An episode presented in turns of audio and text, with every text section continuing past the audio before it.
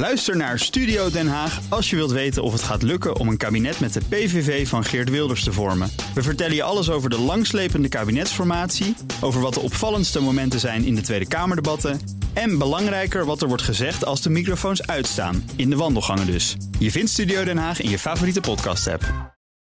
De column van Jaap Jansen. Lang geleden maakte ik een rondgang langs Nederlandse politieke leiders over hun politieke voorkeur als ze Amerikaan waren geweest. De hier in Nederland nog niet wijd en zijd bekende Bill Clinton nam het op tegen George Bush, senior, zouden we laten zeggen. Wat bleek?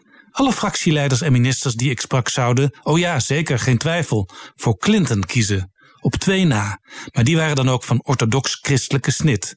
Heel af en toe hoorde je destijds iemand al wel eens stellen dat Nederland een eenpartijstaat was, maar hier klopte het.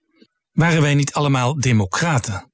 Dat velen van ons later nog wel eens zouden terugverlangen naar de oude Bush, die keurige, gematigde republikein die Europa begreep en ons nooit zou vergeten, dat vermoedde toen nog niemand. Uit een onderzoek van Maurice de Hond bleek afgelopen weekend dat de achterban van Thierry Baudet in overgrote mate Trump zou stemmen. En die van Wilders voor een belangrijk deel ook.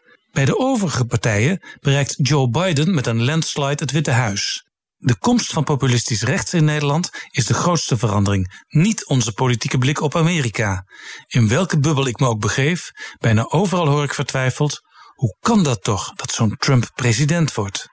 Daarom was het vervreemdend om gisteren na een lange nacht vol Amerikaanse uitslagen, maar zonder conclusie, de krant open te slaan en een peperdure pagina grote advertentie aan te treffen van het CDA. Bent u ook zo blij dat u vanochtend in Nederland wakker bent geworden? luidde de openingsvraag. In een land met een midden en niet in de Verenigde Staten, waar je democraat bent of republikein? Ja, ik ben wel blij, maar dat heeft niet zoveel te maken met het verschil tussen hun politieke systeem en het onze. In Amerika zou het me niet veel moeite kosten mijn stem te bepalen. De advertentie blijkt een lofzang op het midden. Dat bestaat in Amerika niet, volgens het CDA. Daar kun je slechts kiezen tussen twee schreeuwende leiders, zegt het CDA. Ik kan me niet voorstellen dat deze advertentie die partij nieuwe aanhang oplevert. In het blad van het Wetenschappelijk Instituut van het CDA haalde de hoofdredacteur in september nog instemmend het blad Foreign Policy aan, waarin Joe Biden een christendemocraat wordt genoemd. Dat gaat misschien ook weer wat ver, maar dat Biden een politicus is met morele waarden als eer, betamelijkheid, waardigheid, burgerschap, verzoening en zorg voor kwetsbaren, zoals uit Foreign Policy geciteerd wordt, dat klopt aardig. Blijft de vraag wat het CDA bezielde om een dikke vier maanden voor de Tweede Kamerverkiezingen alvast een flink deel van het campagnebudget over de balk te smijten om zich af te zetten tegen Trump en Biden.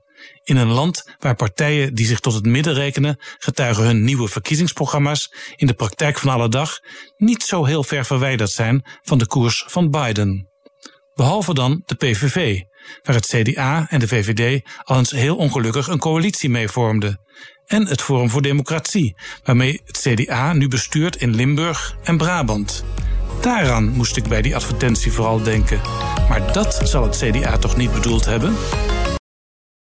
Ook Liesbeth Staats vind je in de BNR-app. Ja, heel handig. Luister live naar Kees en mij tijdens de Daily Move. Dan blijf je ook gelijk op de hoogte van breaking news en het laatste zakelijke nieuws. En daar vind je ook alle BNR-podcasts, waaronder de Perestrooikast. Download nu de gratis BNR-app en blijf scherp.